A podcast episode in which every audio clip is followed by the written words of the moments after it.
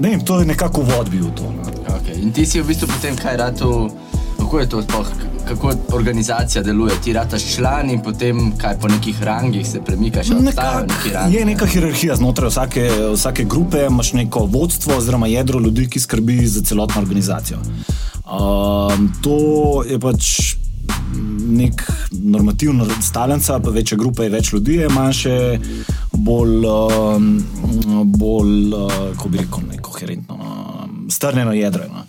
Uh, so mogoče zelo bolj povezani med sabo, ampak večinoma starejši, izkušeni ljudje, ki opravljajo organiziranje nekih prevozov, kart, um, organizacija merchandisa, priprave na tekmo, od koreografij do nečesa, komunikacija s klubom. Uh, takrat je to bilo še na treh frontah, je bil hokej, košarka, pa nogomet.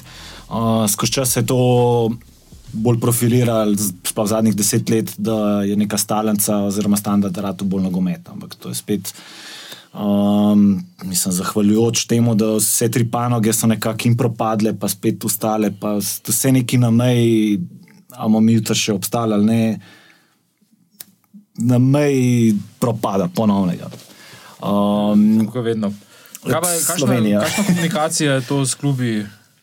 Um, nekako se dobivajo na rednih sestankih. Um, tako je takrat funkcioniralo, pa tudi zdaj funkcionira, da jedro, ki ima te zadeve čez, se nekako um, provajo ali za določeno tekmo, ali pa za par mesecev naprej zmeniti, ali pa za tudi sezono, ponovadi začetek sezone se zmenijo za neke uh, dogovore. Bodi si ne, tok pa tok procentov kart bi mi prodajali po taki ceni. Uh, kljub tok dobi, mi tok dobimo, da lahko nekako grupa funkcionira, da merchandise prodajaš, da lahko pot za gostovanje plačuješ, um, neke bonitete pri nabavi, naprimer sezonske karte, da so redne karte cenejše kot v redni prodajni. Moš razumeti, da je tudi, ko priješ na neko navijaško tribuno. Uh, je z razlogom je cenejša karta, ker ne sediš, pa ne gledaš, ampak dejansko uh, pripomoreš k ustvarjanju neke atmosfere. Um, je to vizualna, je to audio, oziroma zvočna atmosfera, ti nekako engageaš z navijanjem pripomoreš, daješ nekaj od sebe, zato ti tudi neka ugodnost pripada, no, vsaj jaz gledam na to. Um, to recimo, um, obstaja primeri ne, v Italiji, ker mislim, logično je, da gre za neko.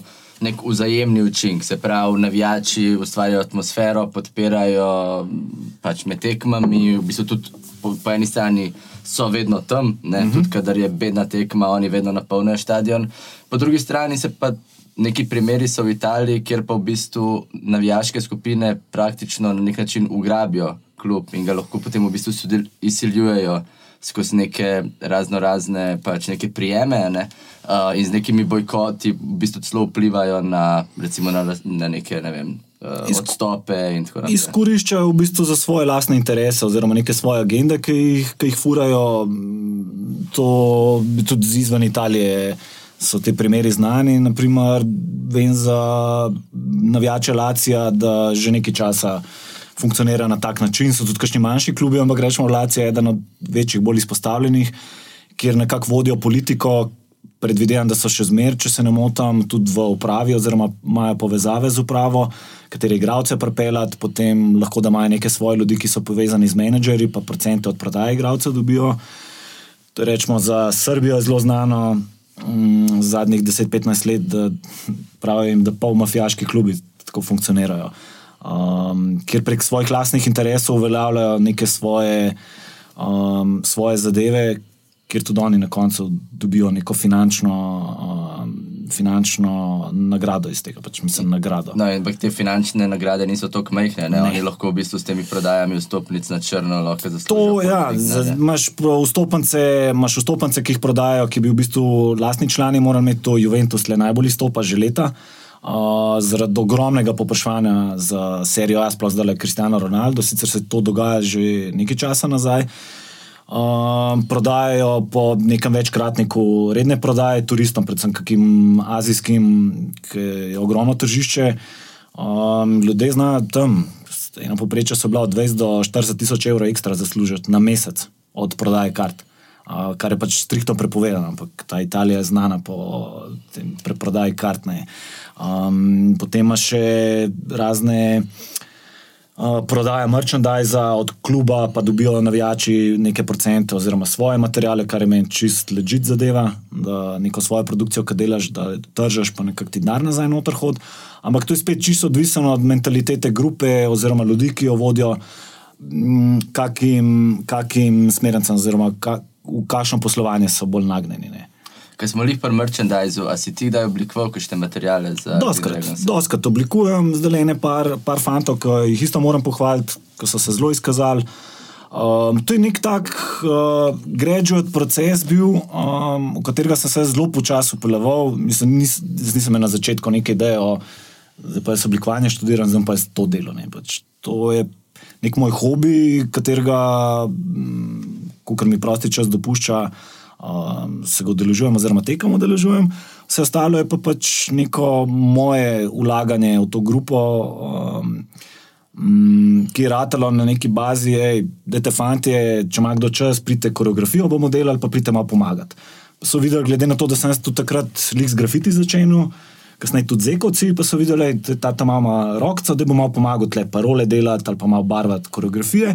In je to iz leta v leto nekako mm, tak snowball efekt je bil. Lahko samo poveš, kaj so koreografije. Ja, pardon. Za, za te, ki ne vemo. No, okay, bo, bomo, bomo par korakov nazaj šli. Ne? Mm, sem si tukaj malo čit list naredil, malo plonkac, uh, uh, ki zelo hitro odplavam.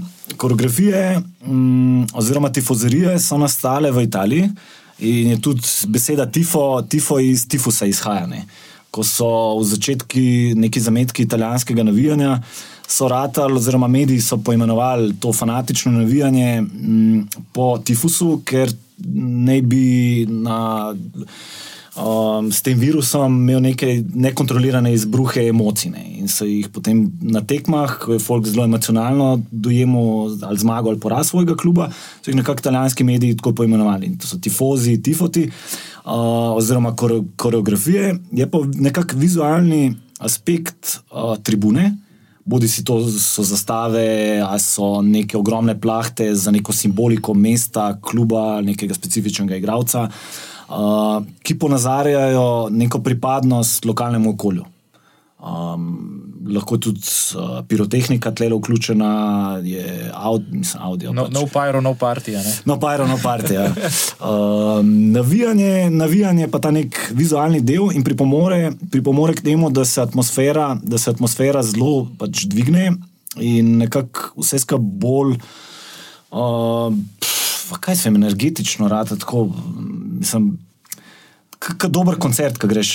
Nekaj razlika, ki greš v gledališče, neko opero ali pa nek noro dober rok koncert, ki publika dejansko nabit z emocijami. emocijami, poješ z, z bendom, oni malo prekinejo.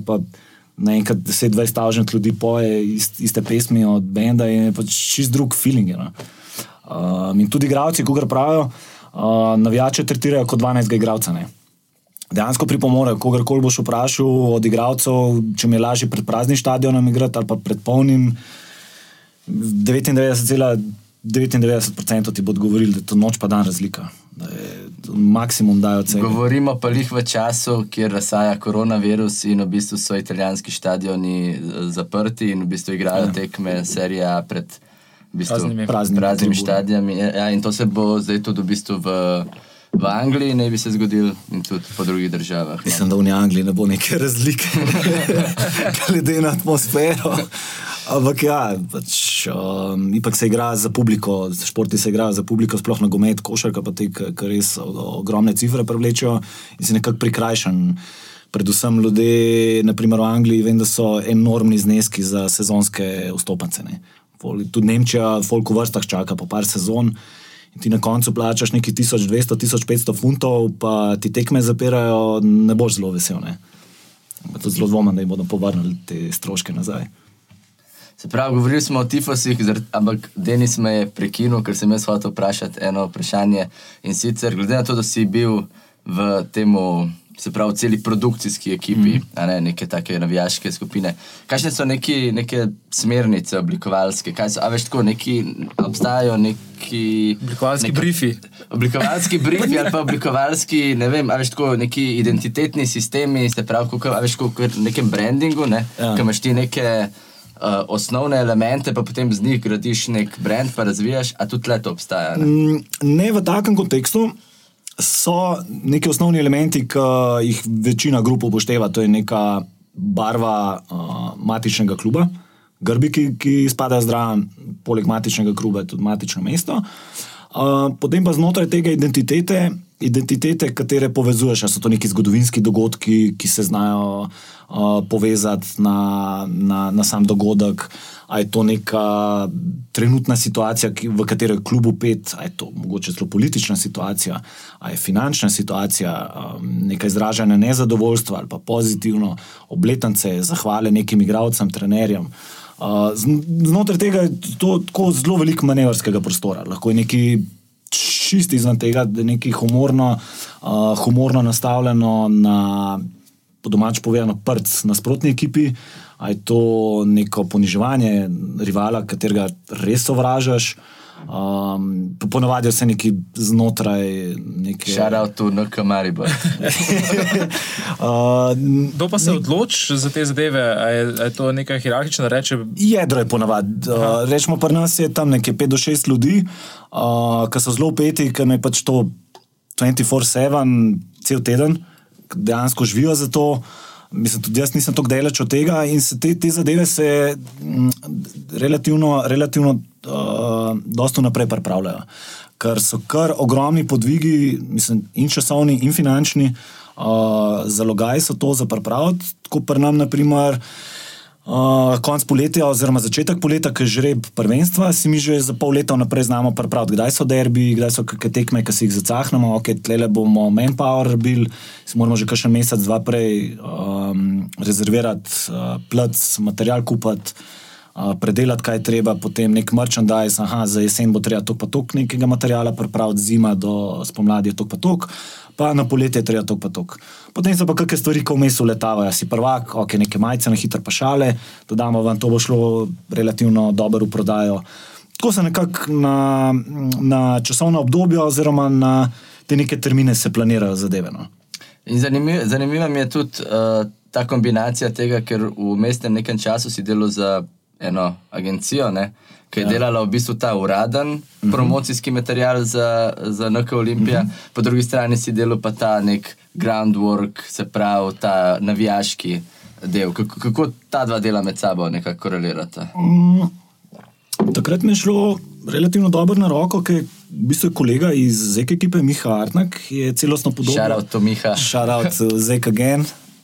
Um, je, je bil zadolžen za prenovo celostne podobe in je komunikacija veliko lažje stekla uh, z mano, oziroma komunikacija z nekom, ki je veliko bolj upet v to, kot da bi dal nekemu dizajnerju, pa malo po Googlu, kaj so NBA logotipi, NHL, spet Amerika ima neke svoje smernice, pa Evropa, ki ima veliko bolj tradicionalni pristop. Uh, uh, in Juventus je zdaj ena druga smer, pa čist druga tema. Za... Kako se ti zdi Juventus?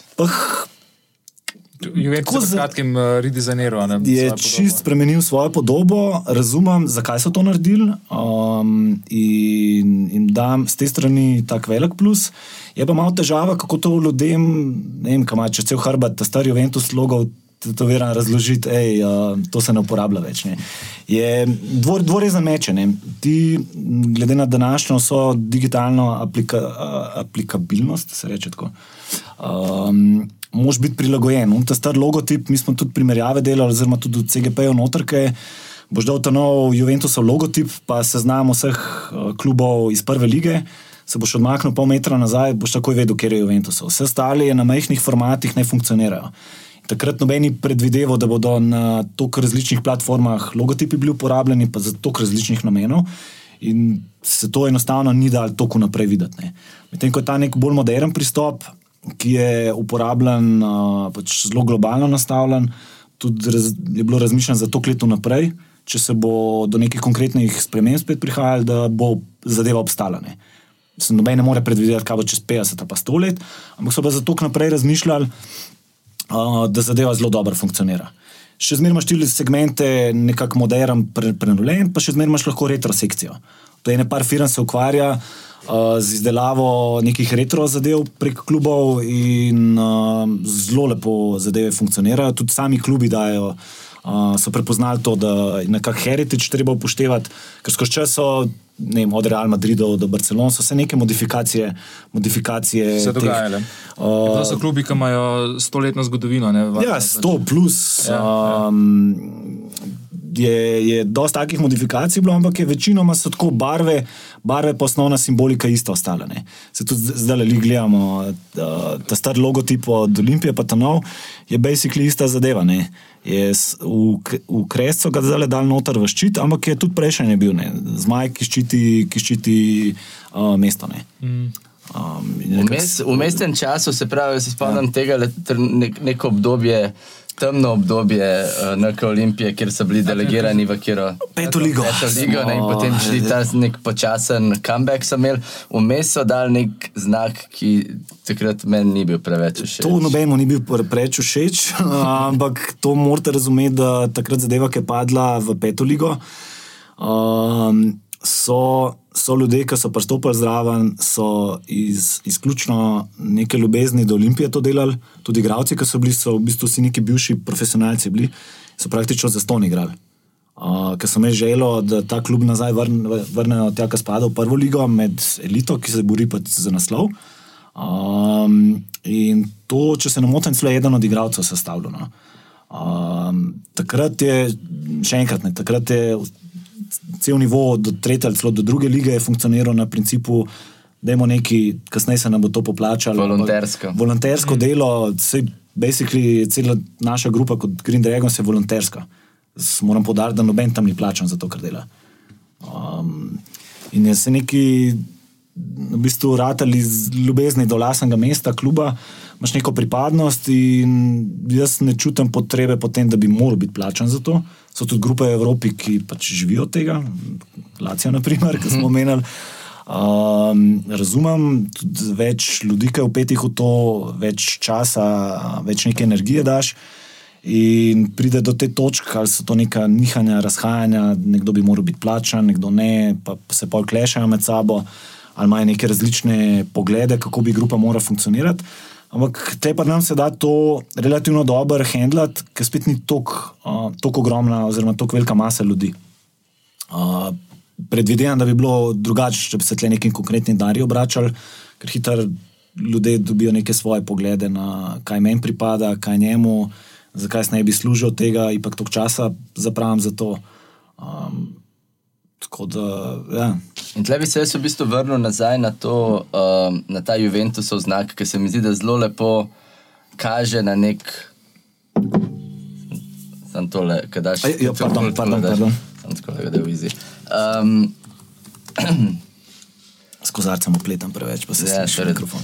Tle bi se v bistvu vrnil nazaj na ta Juventusov redesign, ki se mi zdi, da kaže en tak zelo um, zanimiv celo, kako se je celotna industrija, kako se je premaknila iz tega, da je prej šlo v bistvu za neko ljubezen do športa in da je bil šport v spredju, do tega, da se zdaj zdi, vsaj iz neke mogoče perspektive, ne, da se v bistvu to ratuje biznis. In, in v bistvu, da je Juventusova poteza, tako jo jaz gledam, vsaj iz tega branding stališča, da je šla iz tega, da je to nogometni klub, da je to uh, podjetje, ki delati, se ukvarja tudi s futbalom, ampak v resnici je pa njihov fokus nekje drugje. Ne? Mislim, fokus. Uh, vsak mu je endgame oziroma cilj z denar zaslužiti iz tega. Um, normalno. Uh, Juventus, Juventus je zelo sistematično pristopil k tej zadevi. Od upravnega odbora, CEO, direktorjev, moramo razumeti, da je Juventus še zmeraj v lasti Anjeli familije, ki so lastniki Fiata. Uh, že vrsto let in je iz, iz tega vidika je ogromne finančne injekcije prejemo že desetletja. Zato tudi nekako konstantna v vrhu Italije, tudi Evrope. Je pa, tako, je pa tako, da je Juventus je pred leti začel graditi svoj stadion. Dost klubov po Evropi renta športne objekte od mestne občine, pa imajo neko kompenzacijo. Med drugim Juven, tudi Olimpija. Ne? Med drugim tudi Olimpija. Uh, in so eden od, eden od teh problemov je bil, zakaj ne bi mi to nekaj svojega zgradili. So zmanjšali kapaciteto, ker Dele Alpi, ta strk je bil imel nekih 60, 70, če ne celo 80, in so imeli težave. Pri majhnih tekmah je na pol prazno zgledal. Tako ima Herta Berlin, ima zdaj težavo, tudi oni uh, se dosto upadajo s tem. Herta igra na olimpijskem stadionu. Na olimpijskem stadionu, v Berlinskem je pa kapaciteta tam nekaj 80. Plus. Uh, ti imaš še zmeraj ta pol prazen stadion, ampak to 40-50 tisoč ljudi zgleda, to je ogromno. Izjemen uh, stadion, lahko rečemo, ja. arhitekturno, nevreten. Kdo ga je dal zgraditi? Uh, Hitler. Hitler je dal ja. za olimpijske igre takrat zgraditi. Ampak je res izjemen. Kdo ga je naredil? Tretji raj. Prostovoljci, tretji raj. Uh, no, v glavnem, Juventus je potem uh, naredil svoj stadion, uh, FC Torino, ki je pač mestni rival, ima še zmeraj uh, mestni stadion. Uh, Juventus je vse to zbrandiral, kapaciteto znižal na nekih 42-45, da je vedno polno. Da je, so zelo, zelo smartno so šli na to, vedno je ekstra popraševanje. Raj imamo malo mal več popraševanja, kot da je na pol prazno. Ah, zanimivo je, da, da so nižale kapacitete, medtem ko ostali vsi višajo. Ja, sam so tudi cene kart zvišali. so, še enkrat, zelo smart, zelo smart pristopili k temu, naredili globalen brand. Uh, tudi v Italiji je zadnjih deset let z vstopom kitajskega tržišča oziroma azijskega zelo veliko lasnikov zamenjali, um, klube zamenjali lasnikov. Uh, Inter je v kitajskih rokah, AC Milan in se prilagajajo, prilagajajo predvsem azijskim, zato imaš tudi te, sploh iz angleške lige, imaš uh, popodanske termine, da lahko live prenose delajo. Uh, potem iz Azije imaš celo pakete, vem za angliško ligo, da mm, imaš ne, letalo zapolnijo, imaš vikend paket v Londonu, ogled tekme, imaš turistični ogled in greš domov. Uh, in se zdaj malo preskakujem iz italijanske na angliško ligo, ampak tam ima pač dosti. Uh, Dosta ogromen problem imajo lokalci, ki se nekako izrinjene počutijo. Iz leta v leto so cene kart so više, nekako se jih ne tretira kot nek lojalnostni program, zdaj mi ne vijamo, mi smo tukaj cajt tle živimo, ampak kom kada več narjo on bo gledal. Hočeš reči podoben kot prebivalci Ljubljane iz centra? Nekako. Ja. Gentrifikacija stadiona. Gentrifikacija, ojoj, začenjate teme, ki imamo to kot pelani. Ampak to, kar je Ljubljana, to se v Londonu že deset let dogaja. No. Uh, tam je pač vse krat deset ali krat sto, ne večkratnik tega. Um, ki spet Azijci, Rusi, Arabci kupujejo nepremičnine, pa je celo take zadeve pridajo, da nek blok zgradijo, pa ni nobenega noter, po nekaj let flipnejo denar, pač za eno od najbolj safe investmentov in se cel blok oziroma cela zgradba se proda čez par let za nekaj procent oziroma uh, višji revenue, kot so ga kupili. In tam, se, to je globalen problem, da to, ampak, lej, to bomo hitro odplavali, če samo tega zdaj. Ej, uh, kako je pa recimo v Sloveniji pri oblikovanju merchandisa? Ima pač klub, ima svoj merch, pa navijači delajo pa isto klubski merch, oziroma Takole, klub, lahko v bistvu uporabljaš ti uh, uradne simbole od kluba? Pa... To je stvar dogovora s klubom. Uh, večina, večina grup, po, vsaj po Sloveniji, pa tudi po Evropi, nima težav s tem. Je pa tako, da klub uh, ponovadi podpiše pogodbo z športnim opremljevalcem, v našem primeru to Nike, in oni dobijo, ne vem, pač uh, letno. Tam nekje januarja ali februarja se meni da morajo že odločiti, ker dobijo katalog, Nike da za en leto naprej um, konfekcijske, konfekcijske drese. Imáš ne vem, pet setov, In zdaj, če bi rad kombinacijo ta dres, te hlačke, pa te štucne, se odločiš in naročiš ne, 2000, 3000, 5000 enot, nekaj za igralce, nekaj gre pa vredno prodajo pol za navijače. Uh, neka meja je. Ne vem točen. Kako pa lahko ti vplivaš na ta dizajn? Lahko, lahko vplivaš. Uh, neka spodnja meja, če se ne motim, 10 tisoč, ne me za besedo držati, kjer lahko ti potem s proizvajalcem oziroma z dobaviteljem v tem primeru uh, customizaš uh, ta dres. Naprimer, večji klubi to delajo, ali pa tretji dres uh, je dosti zanimiv, ker dosti klubov da na net, um, ali nek svoj dizajn, ali kako bi navijači uh, izoblikovali. Um, ta, ta dizajn Adidas je naredil par let nazaj za Bayern München. Uh, so imeli noro dober sajt, uh, je, je bila z art direktorjem od tega športnega oddelka. Uh, si imel module, kako bi sestavil, pa je to tipografsko, neka tipografska rešitev bila z nekimi vzorci. Uh, in so dejansko engageali publiko oziroma fene v to. No. Je zelo zanimiv pristop. Si bil ti kdaj opet v oblikovanje drevesov za Olimpijo? Uh, ene par predlogov smo delali, ampak se pravim, uh, to nikoli ni šlo skozi zaradi premehne naklade. Uh, Pripravljal sem tipografijo par let nazaj, uh, smo v istem sklopu naredili nek, neko prenovo digitalne komunikacije, kako bi zadeva morala funkcionirati, pa nekaj časa je, tudi outdoor komunikacija, oziroma online, offline, kako na različnih platforma, platformah pristopati. Uh, zelo, zelo lep pomik naprej bil. No? Je bil tudi zelo pozitivno sprejet strani navijačev. Smo naredili tako, da Um, ob nakupu sezonske vstopnice prejmeš še zahvalo predsednika, dobiš nek navijaški šal in te imajo v bazi, v bazi rednih članov, noter, tako da ti z vsakim pri, prihajajočim, oziroma prihajajočo novo sezono ti pošljajo vabilo, če bi se včlanil, da imaš take popuste. In do, do, dober premik uh, vnaprej. Ne. Vse ostalo je pa stvar dogovora. Amo mi s klubom sodelovali, neke majice delati, plovarje ali jakne. Um, tle, mislim, manevrskega prostora je več kot dovolj.